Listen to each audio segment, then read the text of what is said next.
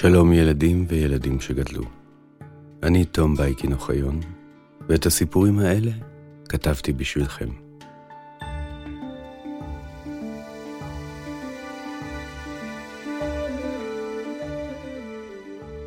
הגענו לפרק האחרון של העונה החמישית שלנו. פרק מיוחד שנכתב לכבוד החג.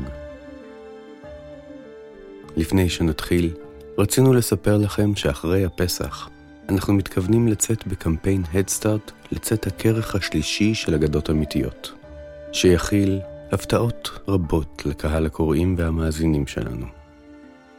בסוף הפרק נספר לכם איך תוכלו להיות הראשונים לתמוך ולזכות במחיר מיוחד למקדימים.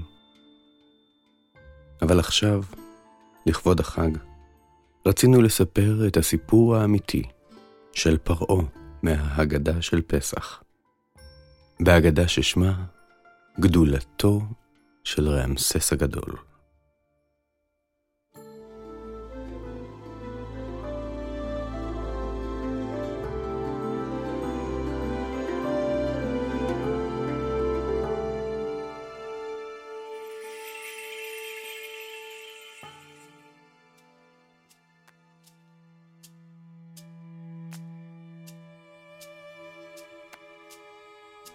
לפני למעלה משלושת אלפים ומאתיים שנה.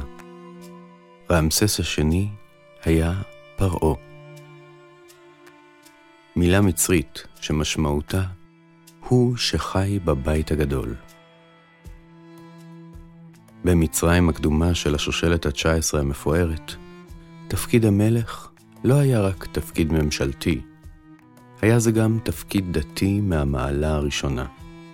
המלך נתפס על ידי נתיניו כאל בדמות אדם, אשר לאחר מותו יזכה לשוט בספינת שמיים אל פנתיאון האלים המצרי.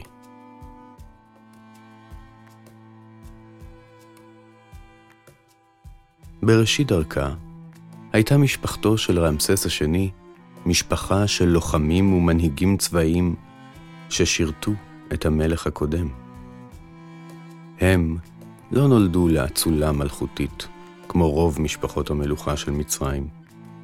מסיבה זו, היה עליהם להוכיח את זכותם למלוך, והם עשו זאת בעזרת ניצחונות צבאיים במלחמות רבות. כבר כשהיה רעמסס בן 14, אביו, סטי הראשון, החל לקחת אותו עמו למלחמותיו הרבות. כדי שהנער ילמד את אומנות המלחמה בשדה הקרב, במקום ממגילות הפפירוס. רמסס השני למד היטב את שיעורי אביו, וכבר כשהיה בן 22, אביו הפקיד בידיו צבא משלו. עם צבאו מאחוריו, רמסס השני יצא לקרבות רבים ושונים. הוא שחרר את חלקה הצפוני של ממלכת מצרים מידיהם של השרדנה, שודדי ים שנהגו לתקוף את נמליה של מצרים. עצר את ממלכת הנובים מלכבוש את לוב, ואפילו כבש את אדמותיהם של העמים השונים שחיו בארץ כנען. אבל מכל האויבים הרבים והשונים שהיו למצרים, לא היה אויב חזק ומאיים, כמו אימפריית החיטים.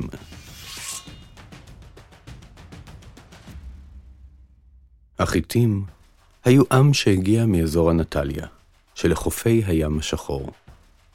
הם היו מהעמים הראשונים שגילו את אומנות חישול הברזל. מתכת חזקה, אשר הפכה את חניתותיהם וחציהם לנשקים אימתניים, ואת מרכבותיהם לכלי מלחמה שכמותם לא נראו עד אז בעולם העתיק. בזה אחר זה ניצחו החיטים את עמי מזרח הים התיכון, ושלטו עליהם ביד רמה במשך כמעט 500 שנה. מכל האימפריות, רק ממלכת מצרים הייתה חזקה מספיק כדי להתנגד להם.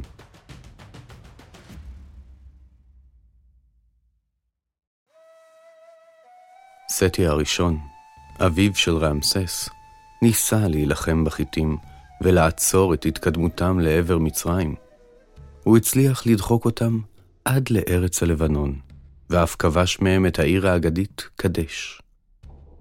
אך הוא לא הצליח לשמור על הישגו זה, ומיד לאחר שובו למצרים, חזרה העיר לידיהם של החיתים. רעמסס השני היה בן שלושים כשאביו עזב את עולם החיים ונקבר בעמק המלכים. הבטחתו הראשונה לנתיניו הייתה להמשיך בדרכו של אביו ולהביס את החיתים אחת ולתמיד. ארבע שנים ארוכות עמל רעמסס על הכנת צבא חזק שיהיה ראוי להילחם בחיתים.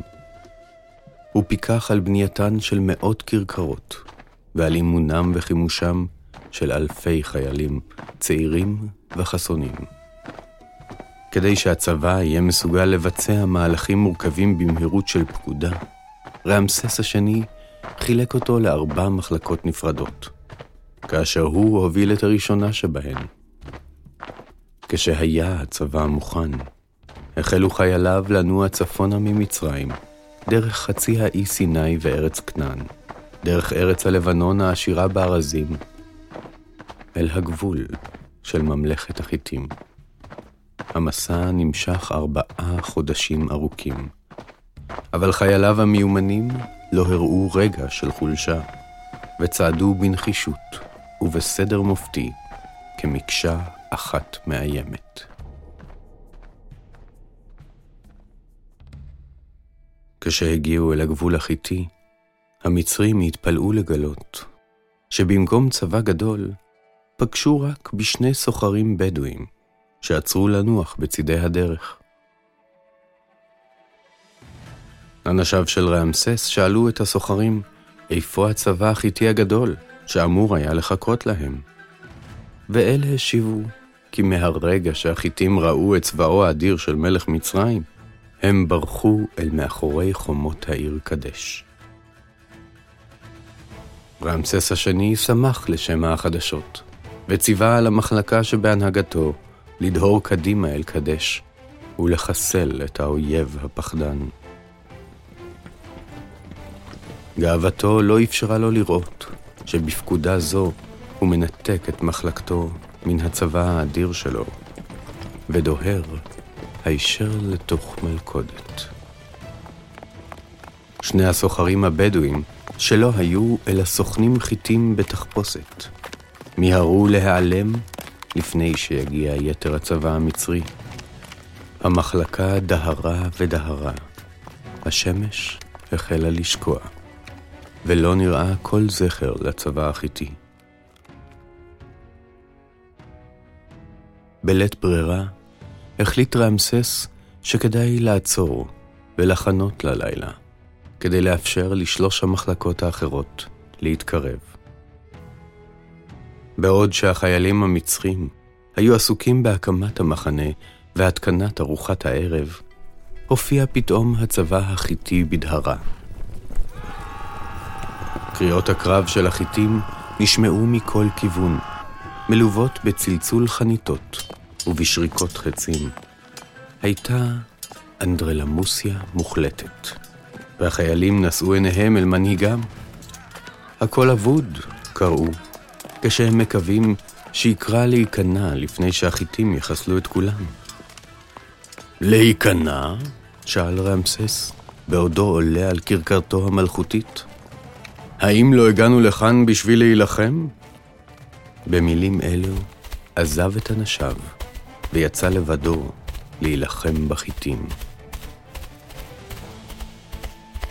המצרים לא יכלו לתת למלכם להילחם לבדו, ובהשראתו עזרו אומץ והצטרפו ללחימה.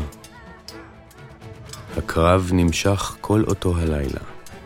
רעמסס ואנשיו לחמו בכל כוחם, אבל החיטים היו רבים מדי וחזקים מדי. ולרגע נראה שאכן הכל אבוד.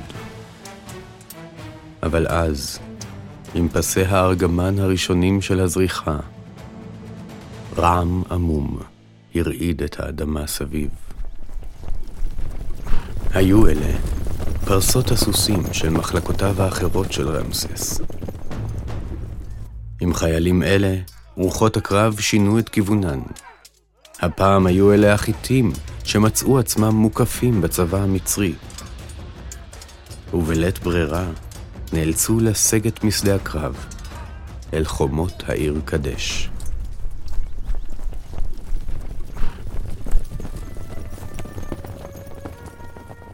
הקרב הסתיים. מכיוון ששני הצבאות ספגו אבדות קשות, הסכימו רעמסס השני ומוואטליש השני, מלך החיטים, על הפסקת אש, וכל אחד שב לממלכתו כמנצח. כששבו למצרים, סיפרו החיילים בגאווה על אומץ הלב שהוכיח מלכם כשיצא לבדו להילחם באויב. והעם כולו הריע למלכם הגדול.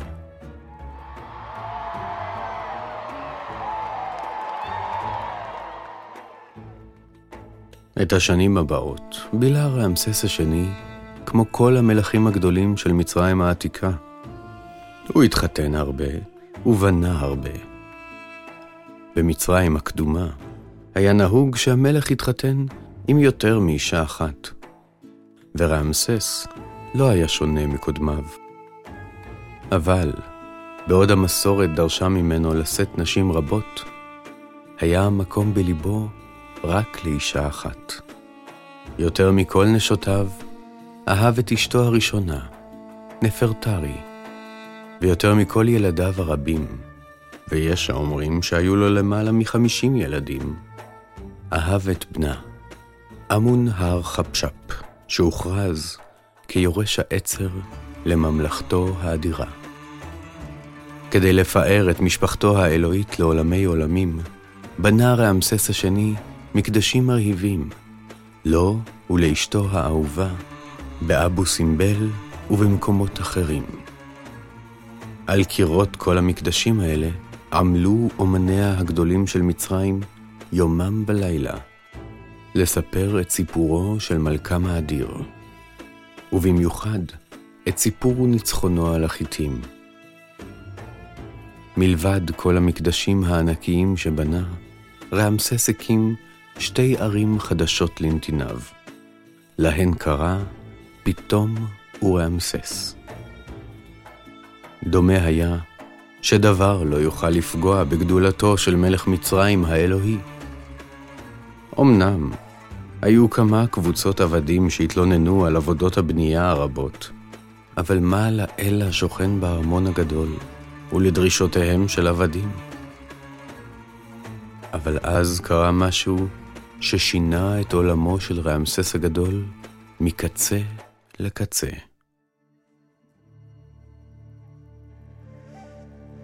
אמון הר חפשפ, בנו בכורו, האהוב, מת בפתאומיות. הפרעה הגדול נשבר לרסיסים.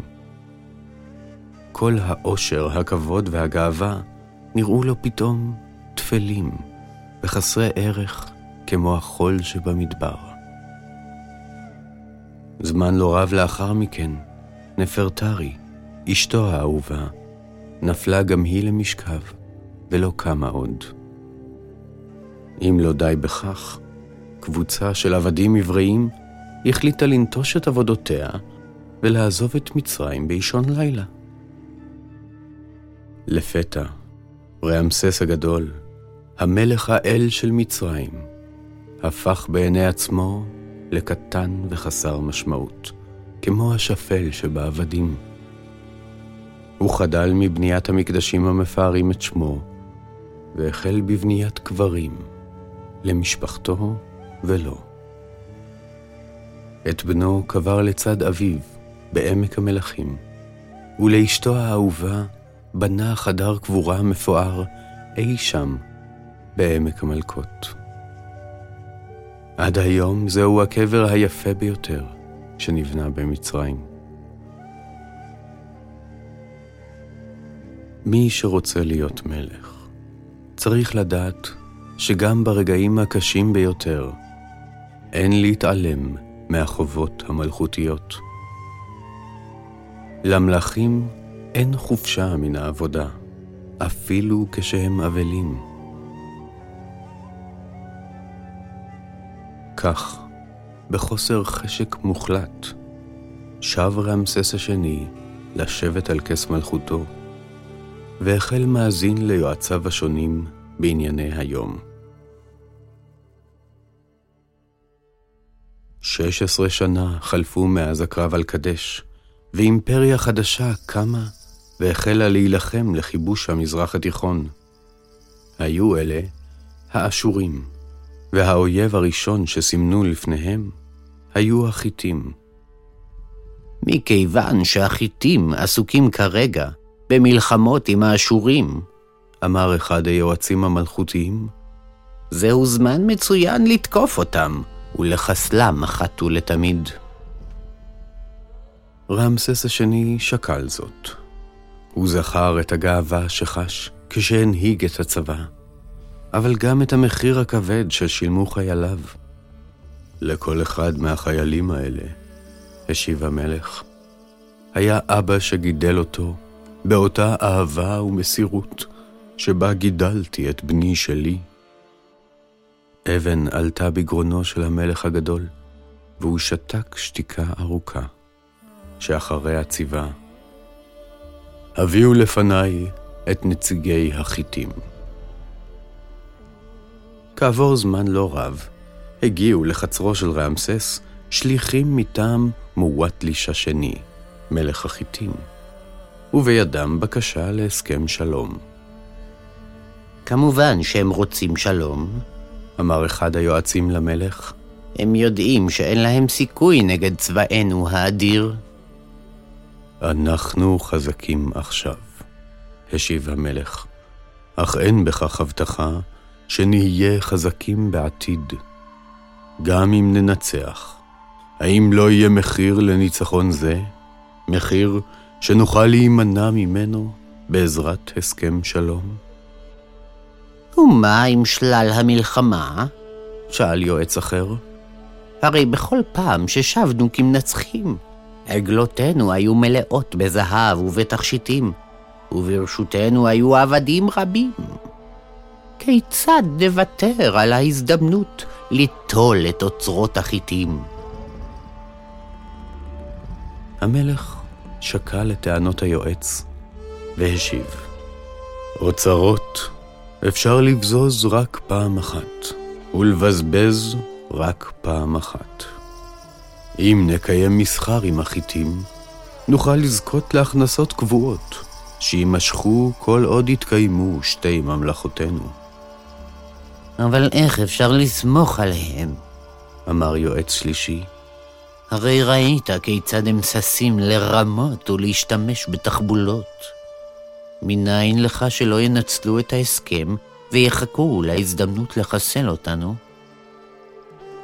אם נבטיח במסגרת ההסכם שמצרים תעמוד לצד החיטים במלחמותיהם, ושהם יבואו לעזרתנו במלחמותינו, כל צד ירצה שהצבא הלוחם לצידו יהיה חזק ונאמן.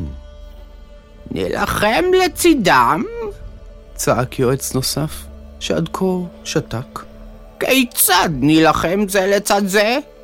הרי מזה שלושה דורות נלחמים עמנו זה בזה.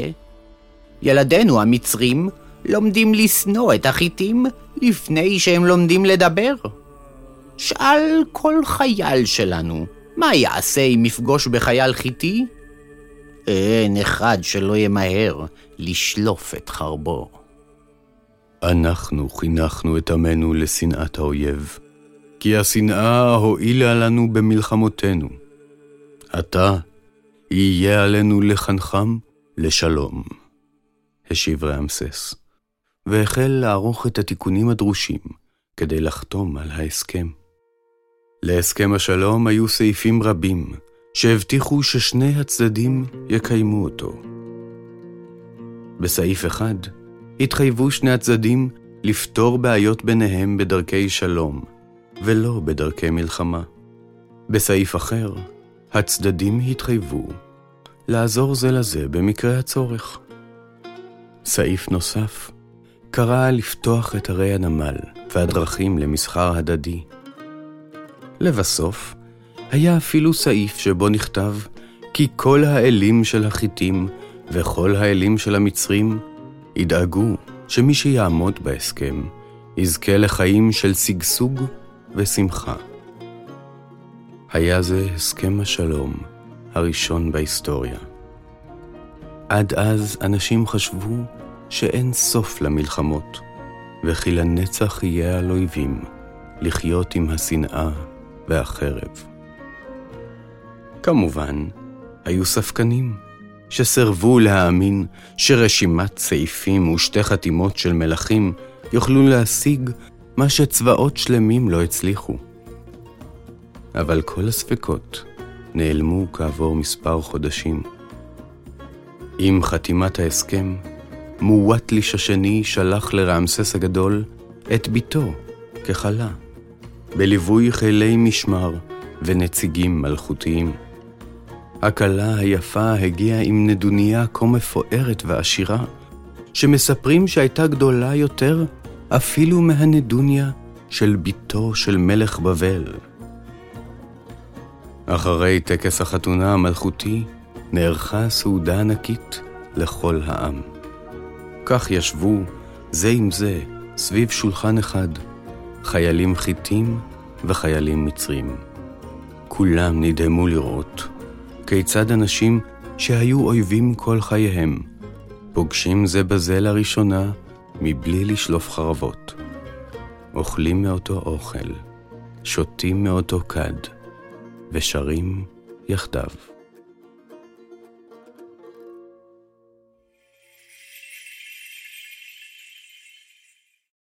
בהגדה שלפנינו, פרעה מתואר כמלך טוב ומכובד, ואילו בהגדה של פסח הוא מקבל את תפקידו של הנבל. דרך אחת, נקרא לה הדרך הקלה, היא להגיד שיש רק תשובה אחת לשאלה, ולכן או ההגדה או האגדה טועות. אבל יש דרך אחרת, קצת יותר מסובכת. בדרך הזו, אנחנו אומרים שכל חלק מתאר רק צד אחד של התמונה, נקודת מבט שונה ממנה אנחנו מסתכלים. בסיפור שלכם, האם יש נבל? מישהו שנראה לכם פשוט רשע? ניסיתם לחשוב איך הסיפור נראה מנקודת המבט שלו?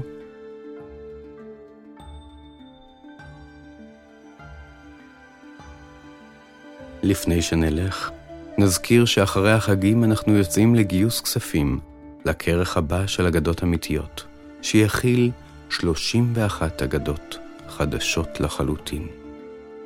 במסגרת הקמפיין, אנחנו מתכוונים להציע 100 עותקים של הספר במחיר מיוחד למקדימים. אם תרצו לקבל הודעה אישית שתגלה לכם מתי מתחיל הקמפיין, נשמח אם תיצרו איתנו קשר דרך האתר של הוצאת פנק, או דרך דף הפייסבוק של אגדות אמיתיות. תודה רבה שהצטרפתם אלינו לעונה החמישית של אגדות אמיתיות. עונה חגיגית במיוחד עבורנו, שכן איתה עברנו את קו חצי מיליון האזנות. תודה רבה לכל אחד ואחת מכן שהבאתם אותנו לנקודה הזאת. חג חירות שמח. ואם רק תסתכלו טוב טוב, תראו שכל אחד ואחת מכם הוא כבר גיבור של אגדה.